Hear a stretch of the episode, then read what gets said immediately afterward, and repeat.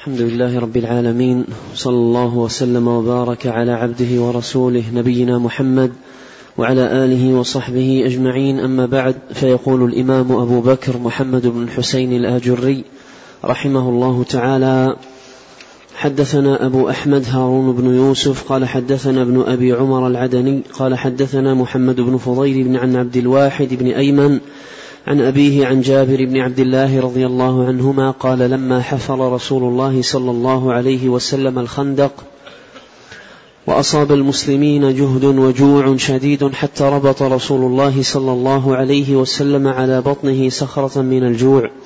قال جابر انطلقت إلى أهلي فذبحت عناقا كانت عندي وقلت لأهلي أعندكم دقيق؟ قالوا عندنا أمداد من دقيق شعير. قال فأمرتهم فخبزوه وصنعوا طعامهم. ثم أتيت النبي صلى الله عليه وسلم فقلت يا رسول الله إني صنعت لك ولنفر من أصحابك طعاما. فقال انطلق فهيئ طعامك حتى آتيك. قال ففعلت.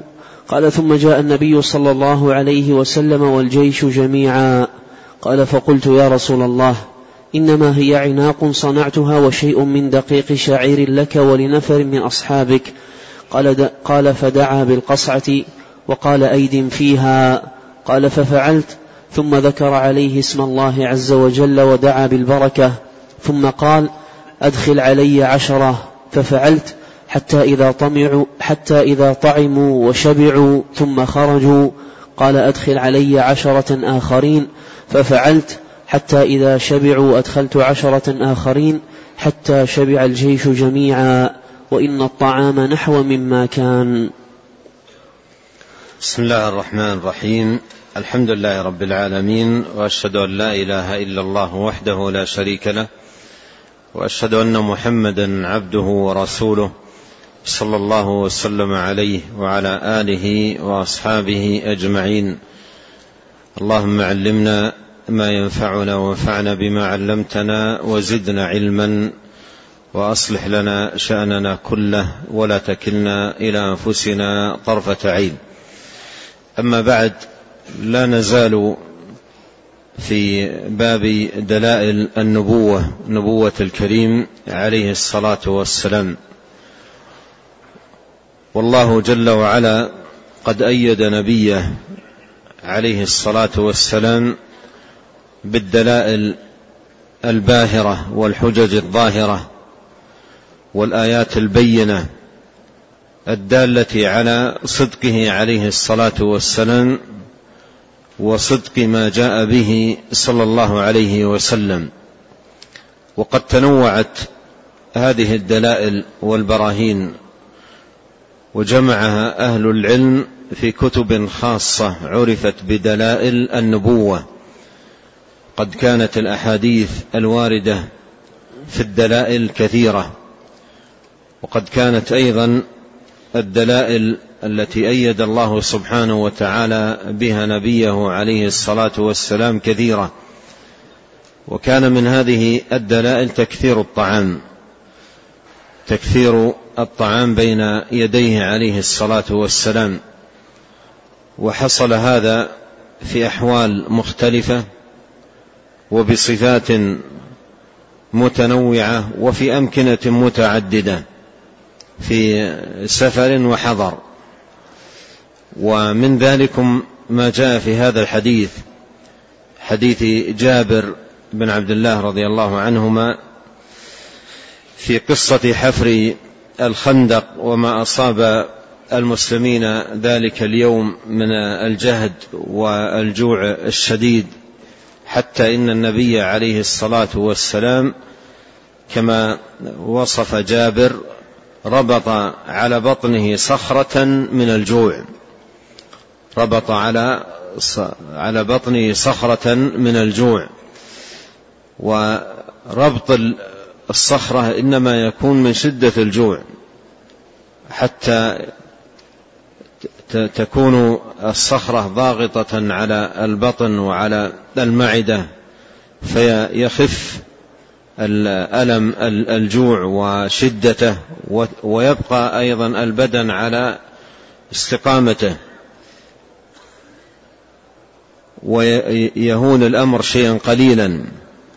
فرأى النبي عليه الصلاة والسلام قد ربط صخرة من الجوع فذهب إلى أهله.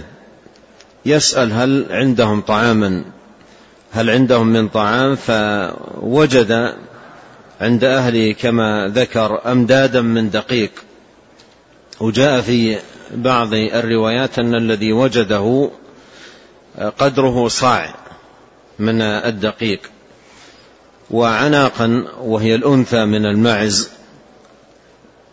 وتطلق هذه الكلمة على الصغيرة من الإناث من المعز.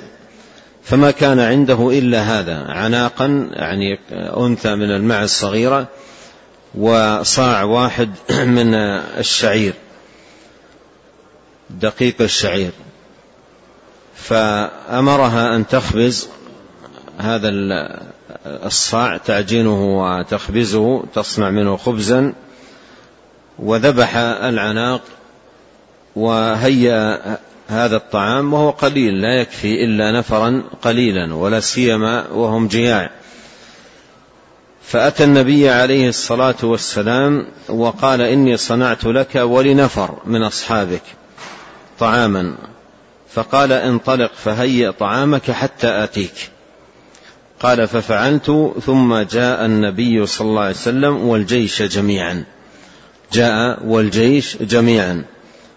لا البيت يستوعب جيشا كاملا ولا الطعام يكفي لجيش كامل وإنما الطعام يكفي لنفر قليل. فجاء النبي عليه الصلاة والسلام والجيش معه وقد علم عليه الصلاة والسلام أن الذي دعي له شيء قليل هيأه جابر رضي الله عنه له ولنفر قليل من أصحابه. فقلت يا رسول الله إنما هي عناق صنعتها وشيء من دقيق شعير لك ولنفر من أصحابك يعني ما عندنا هذا الذي يكفي للجيش بأكمله. قال فدعا بالقصعة وهي وعاء يقدم فيه الطعام وقال أيدم فيه يعني ضع فيه الإيدام والإدام هو هو اللحم. القصعة فيها الخبز الذي من الشعير قد فت في القصعة والإدام هو اللحم. ففعلت ثم ذكر عليه اسم الله عز وجل ودعا بالبركة. دعا الله سبحانه وتعالى أن يبارك في هذا الطعام ليكفي هذا العدد الكبير. فأجاب الله سبحانه وتعالى دعوته وبارك في ذلك الطعام فأخذ يأمر بإدخال هذا الجيش عشرة عشرة. لا يستفاد من ذلك أن من السنة لا يزيد على المائدة أكثر من عشرة وإنما كان يدخلهم عليه الصلاة والسلام عشرة عشرة لأنها قصعة واحدة. والقصعة الواحدة لا يجتمع عليها عدد كبير إلا في هذا الحدود.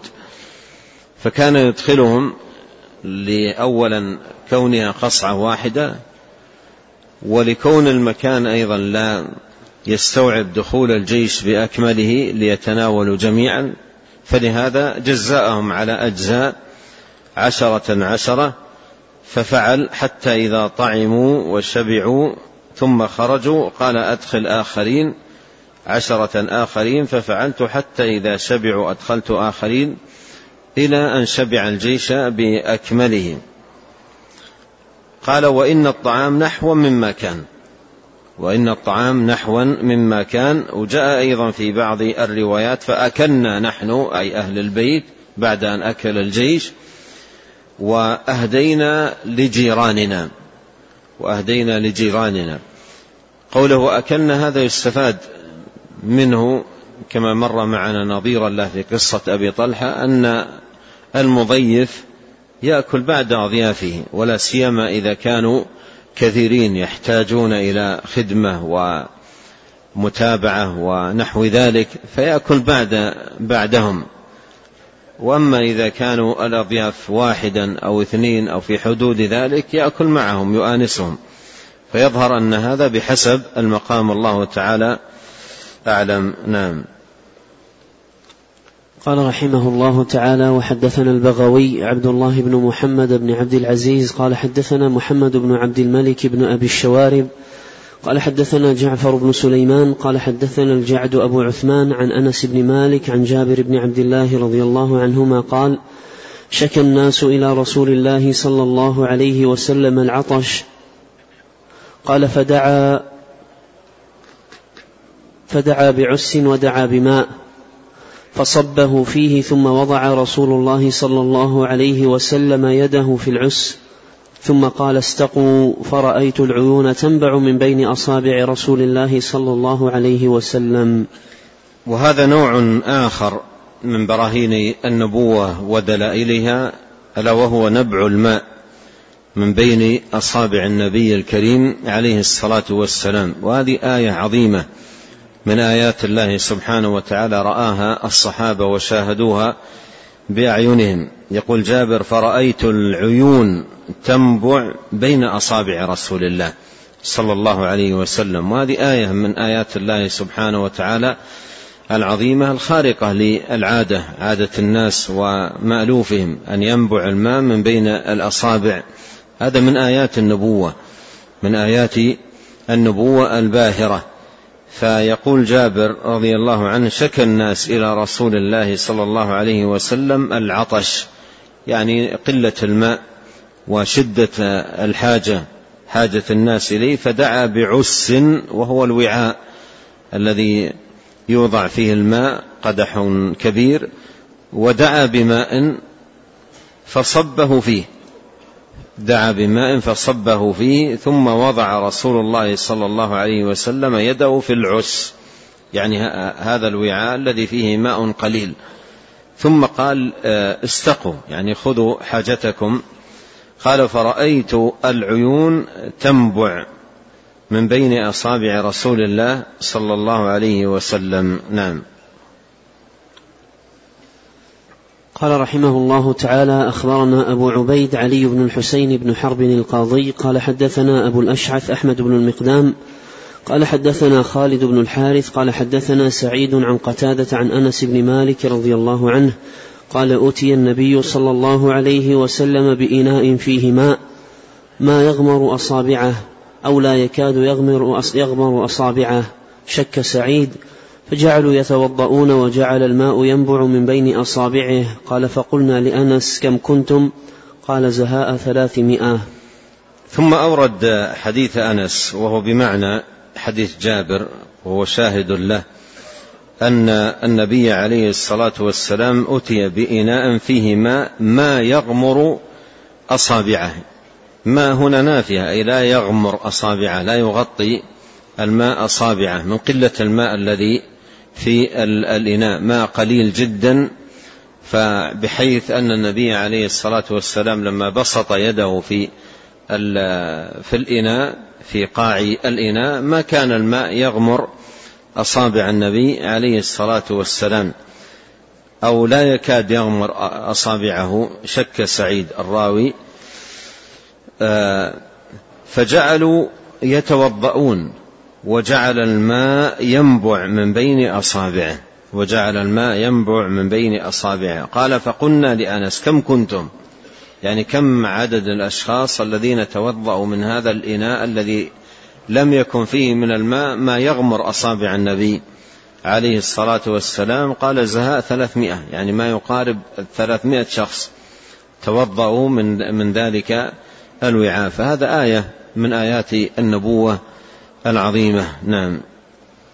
قال رحمه الله تعالى حدثنا أبو أحمد هارون بن يوسف قال حدثنا ابن أبي عمر يعني, ابن يعني محمدا العدني قال حدثنا عبد الله بن يزيد أبو عبد الرحمن المقرئ قال حدثنا عبد الرحمن بن زياد بن أنعم عن زياد بن نعيم الحضرمي من أهل مصر قال سمعت زياد بن الحارث الصدائي صاحب رسول الله صلى الله عليه وسلم يحدث قال أتيت النبي صلى الصاد.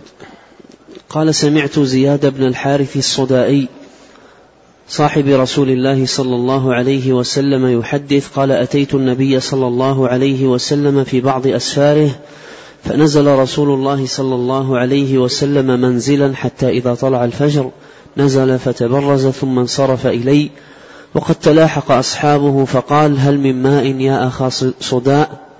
قلت لا. إلا شيء قليل لا يكفيك.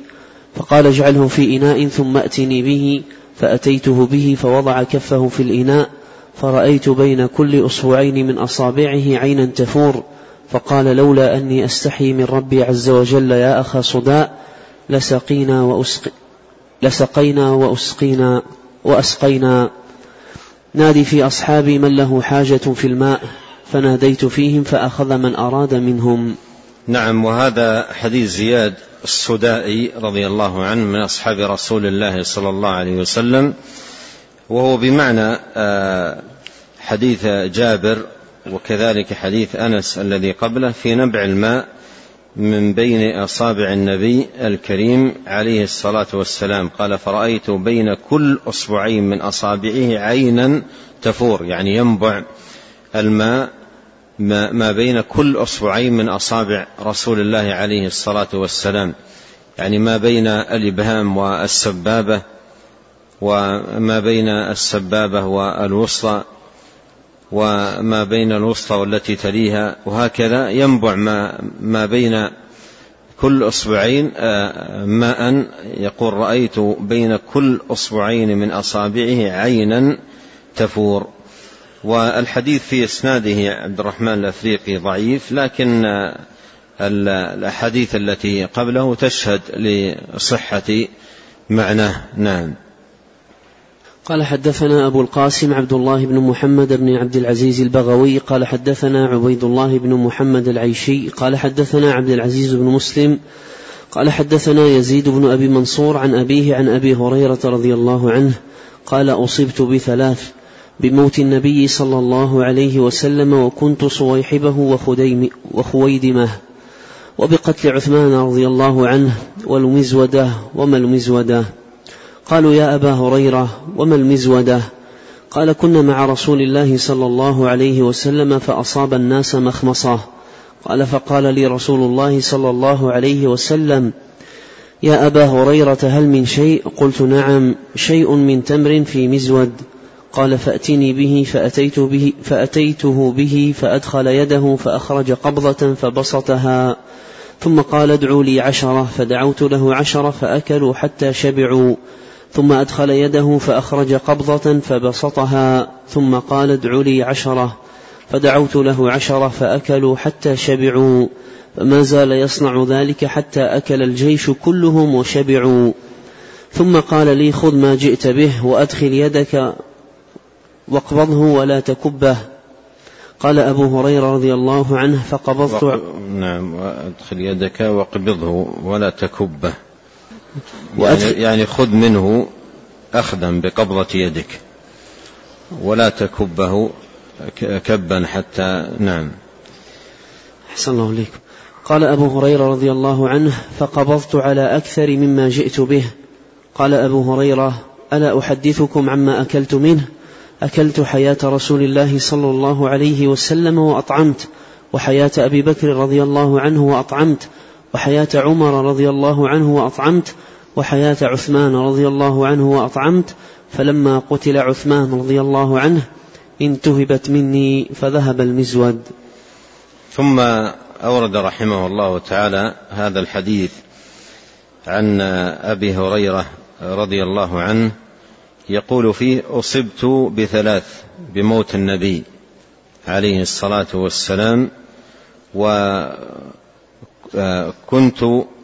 قال أصبت بثلاث بموت النبي صلى الله عليه وسلم وكنت صويحبه وخويدمة تصغير صاحب وتصغير خادم وبقتل عثمان رضي الله عنه والمزود أو المزودة ومن مزودة. يعني أيضا أصيب بهذه المزودة التي جعل الله سبحانه وتعالى فيها بركة عظيمة. فقيل له وما المزودة؟ قال كنا مع الرسول صلى الله عليه وسلم فأصاب الناس مخمصة أي شدة ومجاعة. فقال لي رسول الله صلى الله عليه وسلم يا أبا هريرة هل من شيء؟ قلت نعم شيء من تمر في مزود. قال فأتني به فأتيت به فأدخل يده فأخرج قبضة فبسطها ثم قال ادع لي عشرة. فدعوت له عشرة فأكلوا حتى شبعوا. ثم أدخل يده فأخرج قبضة فبسطها ثم قال ادع لي عشرة. فدعوت له عشرة فأكلوا حتى شبعوا. فما زال يصنع ذلك حتى أكل الجيش كله وشبعوا ثم قال لي خذ ما جئت به وأدخل يدك واقبضه ولا تكبه. ولا تكبه. قال أبو هريرة فقبضت على أكثر مما جئت به. وذكر رضي الله عنه البركة التي جعلها الله سبحانه وتعالى في هذا المزود أنه أكل في حياة النبي عليه الصلاة والسلام وحياة أبي بكر وحياة عمر وحياة عثمان إلى أن انتهب وذهب المزود وذهب المزود. والحديث في الإسناد آه، في الإسناد أبو منصور الراوي عن أبي هريرة لا تعرف حاله. وجاء له شاهد مختصرا عند الترمذي رحمه الله تعالى وقد قواه بعض أهل العلم بما له من شواهد وإلا الإسناد الذي بين أيدينا فيه هذا الرجل الذي لا يعرف أو لا تعرف حاله. نعم. قال رحمه الله تعالى حدثنا أبو محمد يحيى بن محمد بن صاعد قال حدثنا سعيد بن يحيى بن سعيد الأموي قال حدثنا أبي قال حدثنا عمر بن ذر قال أخبرنا مجاهد عن أبي هريرة رضي الله عنه قال والذي لا إله غيره إن كنت لأشد الحجر على بطني من الجوع وإن كنت لأعتمد بكبدي على الأرض من الجوع ولقد قعدت يوما على طريقهم الذي يخرجون منه. فمر بي أبو بكر رضي الله عنه فسألته عن آية من كتاب الله عز وجل ما أسأله عنها إلا ليستتبعني. فمر ولم يفعل ثم مر بي أبو القاسم صلى الله عليه وسلم فعرف ما في نفسي وما في وجهي فتبسم. ثم قال أبا هر الحق. فاتبعته فدخل فأذن, فأذن لي فوجد صلى الله عليه وسلم لبنا في قدح فقال لأهله من أين لكم هذا اللبن؟ قالوا أهداه لك فلان أو آل فلان. فقال لي يا أبا هريرة انطلق إلى أهل الصفة فادعهم. قال فأحزنني ذلك وأهل الصفة أضياف الإسلام لا يأوون إلى أهل ولا مال. إذ جاءت صدقة إذا جاءت صدقة أرسل بها إليهم ولم يذر منها شيئا. وإذا جاءته هدية أرسل إليهم فأشركهم فيها وأصاب منها. فأحزنني إرساله إياي وقلت كنت أرجو أن أشرب من هذا اللبن شربة أتغذى بها فما يغني هذا اللبن من أهل الصفة وأنا الرسول. فإذا جاءوا أمرني وكنت أعاطيهم قال ولم يكن من طاعة الله وطاعة رسوله بد فانطلقت إليهم فدعوتهم فأقبلوا واستأذنوا فأذن لهم فأخذوا مجالسهم من البيت فقال أي أبا هر؟ قلت لبيك يا رسول الله. قال قم فأعطهم. قال فأخذت القدح أعطي الرجل فيشرب حتى يروى ثم يرده إلي ثم أعطي الآخر فيشرب حتى يروى ثم يرده إلي. حتى روى جميع حتى روى جميع القوم وانتهيت إلى رسول الله صلى الله عليه وسلم. فأخذ القدح فوضعه على يده ثم رفع رأسه إلي فنظر إلي فتبسم وقال أبا هر قلت لبيك يا رسول الله. قال اقعد فاشرب فقعدت فشربت. وقال اشرب فشربت وقال اشرب فشربت فما زال يقول اشرب وأشرب حتى قلت. والذي بعثك بالحق ما أجد له مسلكا. قال فرددت إليه الإناء فسمى وحمد الله وشرب منه.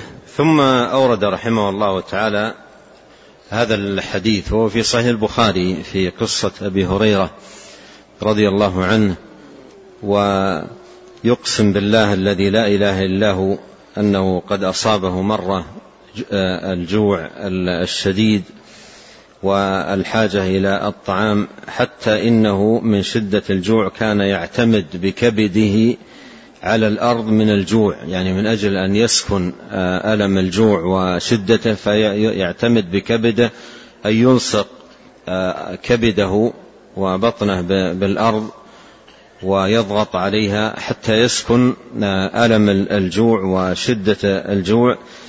فقعد على الطريق الذي يخرجون منه يعني حتى ينتبه له أحد ويرى من حاله فيستتبعه يعني يطلب منه أن يتبعه. فمر به أبي بكر رضي الله عنه يقول فسألته عن آية من كتاب الله ما أسأله عنها إلا ليستتبعني. يعني حتى ينتبه لي ويرى حالي فيستتبعني معه أي يطلب أن أتبعه. قال ولم يفعل. ثم مر بي أبو القاسم صلى الله عليه وسلم فعرف ما في نفسي وما في وجهي. فعرف ما في نفسي وعرف في ما في وجهي. ولعله والله تعالى أعلم أن أبا بكر لم ينتبه. يعني لا لم ينتبه. وهذا يحصل يعني للإنسان يعني قد يكون خروج المرء أو أو حالة في أمر مثلا قد اهتم به أو شغله فلا ينتبه لأمور ينتبه لها لكن قد لا ينتبه الإنسان. وهذا فيه قصص يعني تأتي في في السيرة عجيبة جدا. يعني قد يكون الإنسان يمر بأخيه ولا يسلم عليه لا لشيء في نفسه وإنما لم ينتبه. يكون في قلبه أمر أهمه أو أشغله. مثل قصة أبي بكر وهي في المسند لما مر به عمر وسلم عليه فما رد عثمان السلام ما انتبه. فذهب عمر إلى أبي بكر وأخبره بذلك وأتي إلى عثمان فقال والله ما شعرت. قال والله ما شعرت وإنما أهمني أمر فسأله عنه أبو بكر. قال كنت أفكر في نجاة الأمر. كنت وهو المبشر بالجنة رضي الله عنه يفكر وقد أهمه الأمر كيف تكون النجاة يوم القيامة. ومر به عمر ما انتبه. سلم عليه ما انتبه ومشغول كيف ينجو يوم القيامة وكيف تكون النجاة يوم القيامة. والحديث طويل وهو في مسند الإمام أحمد. فالحاصل قد يحصل مثل هذا. فأبو بكر رضي الله عنه مر به ولعله ما ما انتبه للحالة أو الشدة التي كان عليها. ثم إن النبي صلى الله عليه وسلم مر به فعرف ما في نفسه وما في وجهه فتبسم. وهذا التبسم للإيناس والملاطفة. ثم قال أبا هر الحق فاتبعته فدخل فأذن لي أو فأذن لي فوجد صلى الله عليه وسلم لبنا في قدح فقال لأهله من أين لكم هذا اللبن؟ قال قالوا أهداه لك فلان أو آل فلان. يسأل لأن ما يؤتى به إلى بيته على نوعين إما هدية أو صدقة وهو لا يأكل الصدقة عليه الصلاة والسلام فإذا كان هدية أكل أو شرب وأشرك غيره فيه وإن كان صدقة جعله للمحتاجين والفقراء وخاصة من يعرفون بأضياف الإسلام وهم أهل الصفة. من يأتون إلى المدينة أضيافا فيسكنون في الصفة ويقدم لهم من هذا الطعام. الذي هو من الصدقات التي ترسل إلى النبي الكريم عليه الصلاة والسلام. قال أبو هريرة وأهل الصفة أضياف الإسلام لا يأوون إلى أهل ولا مال. يعني فقراء ما عندهم مال ولا عندهم أهل في المدينة فيكون سكنهم وموطن إقامتهم الصفة الصفة. فيقيمون فيها ثم يأتيهم الطعام من الصدقات التي ترسل ويبعث بها إلى رسول الله صلوات الله وسلامه عليه. فأمره أن يدعو أهل الصفة. أمره أن يدعوهم لهذا اللبن الذي أهدي إلى النبي صلى الله عليه وسلم. يقول أبو هريرة وهو الآن في شدة الجوع قال فأحزنني إرساله إياي وقلت كنت أرجو أن أشرب من هذا اللبن شربة نتغذى بها. يعني تشبع جوعته الشديده والصفة فيها خلق فيها عدد. يقول فما ما كان هناك بد من الامتثال لأمر النبي عليه الصلاة والسلام. وذهبت ودعوتهم وأعطاهم فشربوا واحدا واحدا. والذي يقدم لهم اللبن أبو هريرة لأنه خادم رسول الله صلى الله عليه وسلم مر معنا في الحديث الذي قبله الصويحبة وهو خادمة. فكان يقوم على هذه الخدمة يعطيهم واحدا واحدا. ثم يقول رضي الله عنه ف آه، لما انتهى الجميع شربا وشبعوا أخذ عليه الصلاة والسلام القدح فوضعه على يدي ثم رفع رأسه إليه فنظر إلي فتبسم. لأنه يعرف أن أبا هريرة كان مشفقا أن لا يبقى له شيء وأن لا يكون له نصيب. فقال أبا هر قلت لبيك يا رسول الله. قال اقعد فاشرب. فقعدت فشربت. قال اشرب. قال فشربت قال اشرب قال فشربت فما زال يقول اشرب. وهذا أخذ منها العلماء جواز الشبع. لو لم يكن هذا الأمر جائزا لما فعله النبي عليه الصلاة والسلام قال فشربت حتى قلت والذي بعثك بالحق ما أجد له مسلكا. يعني شبع تماما رضي الله عنه ما أجد له مسلكا أي لا أجد آه، مجالا. فرددته إليه. لكن هذا الشبع هذا الشبع الذي دل على جوازه هذا الحديث لا يكون امرا معتادا لأن النبي عليه الصلاة والسلام صح عنه في الحديث الآخر قال بحسب ابن آدم قال ما ملأ ابن آدم وعاء شرا من بطن؟ بحسب ابن آدم لقيمات يقمن صلبه لقيمات يقمن صلبه. فالشبع جائز ولا سيما وقت الحاجة وقت الشدة إذا إذا إذا وجد الإنسان لكن أن يكون دوما فهذا مثل ما جاء شر على الإنسان ما ولا ما ملأ وعاء شر شرا من من بطن. نعم. قال قال والذي بعثك بالحق ما أجد له مسلكا. ما أجد له مسلكا يعني شبع تماما رضي الله عنه. فرددت إليه الإناء فسمى وحمد الله وشرب منه. نعم. قال رحمه الله تعالى وحدث وهذا أيضا فيه تواضع النبي عليه الصلاة والسلام العظيم. يعني شرب آخر القوم صلوات الله وسلامه وبركاته عليه. نعم. قال رحمه الله تعالى وحدثنا أبو محمد بن صاعد قال حدثنا محمد بن عوف بن سفيان الطائي الحمصي قال حدثنا عثمان بن سعيد بن كثير بن دينار قال حدثنا محمد بن مهاجر عن عروة بن رويم أنه ذكر له ذكر أنه ذكر له أن ثوبان مولى رسول الله صلى الله عليه وسلم قال نزل بنا ضيف بدوي. فجلس به رسول الله صلى الله عليه وسلم أمام بيوته فجعل يسأله عن الناس كيف فرحهم بالإسلام وكيف حدبهم على الصلاة فما زال يخبره من ذلك بالذي يسره حتى رأيت وجه رسول الله صلى الله عليه وسلم نضرا حتى إذا انتفخ النهار حتى إذا انتفخ النهار وحان أكل الطعام أن يؤكل دعاني فأشار إلي مستخفيا لا يألو أن أتي لا يألو أن ائت بيت عائشة رضي الله عنها فأخبرها أن لرسول الله صلى الله عليه وسلم ضيفا. قالت والذي بعثه بالهدى ودين الحق ما أصبح في بيتنا شيء يأكله أحد من الناس فردني إلى نسائه كلهن يعتذرن بما اعتذرت به عائشة رضي الله عنها حتى رأيت لون رسول الله صلى الله عليه وسلم كسف. أو كسف. كسف.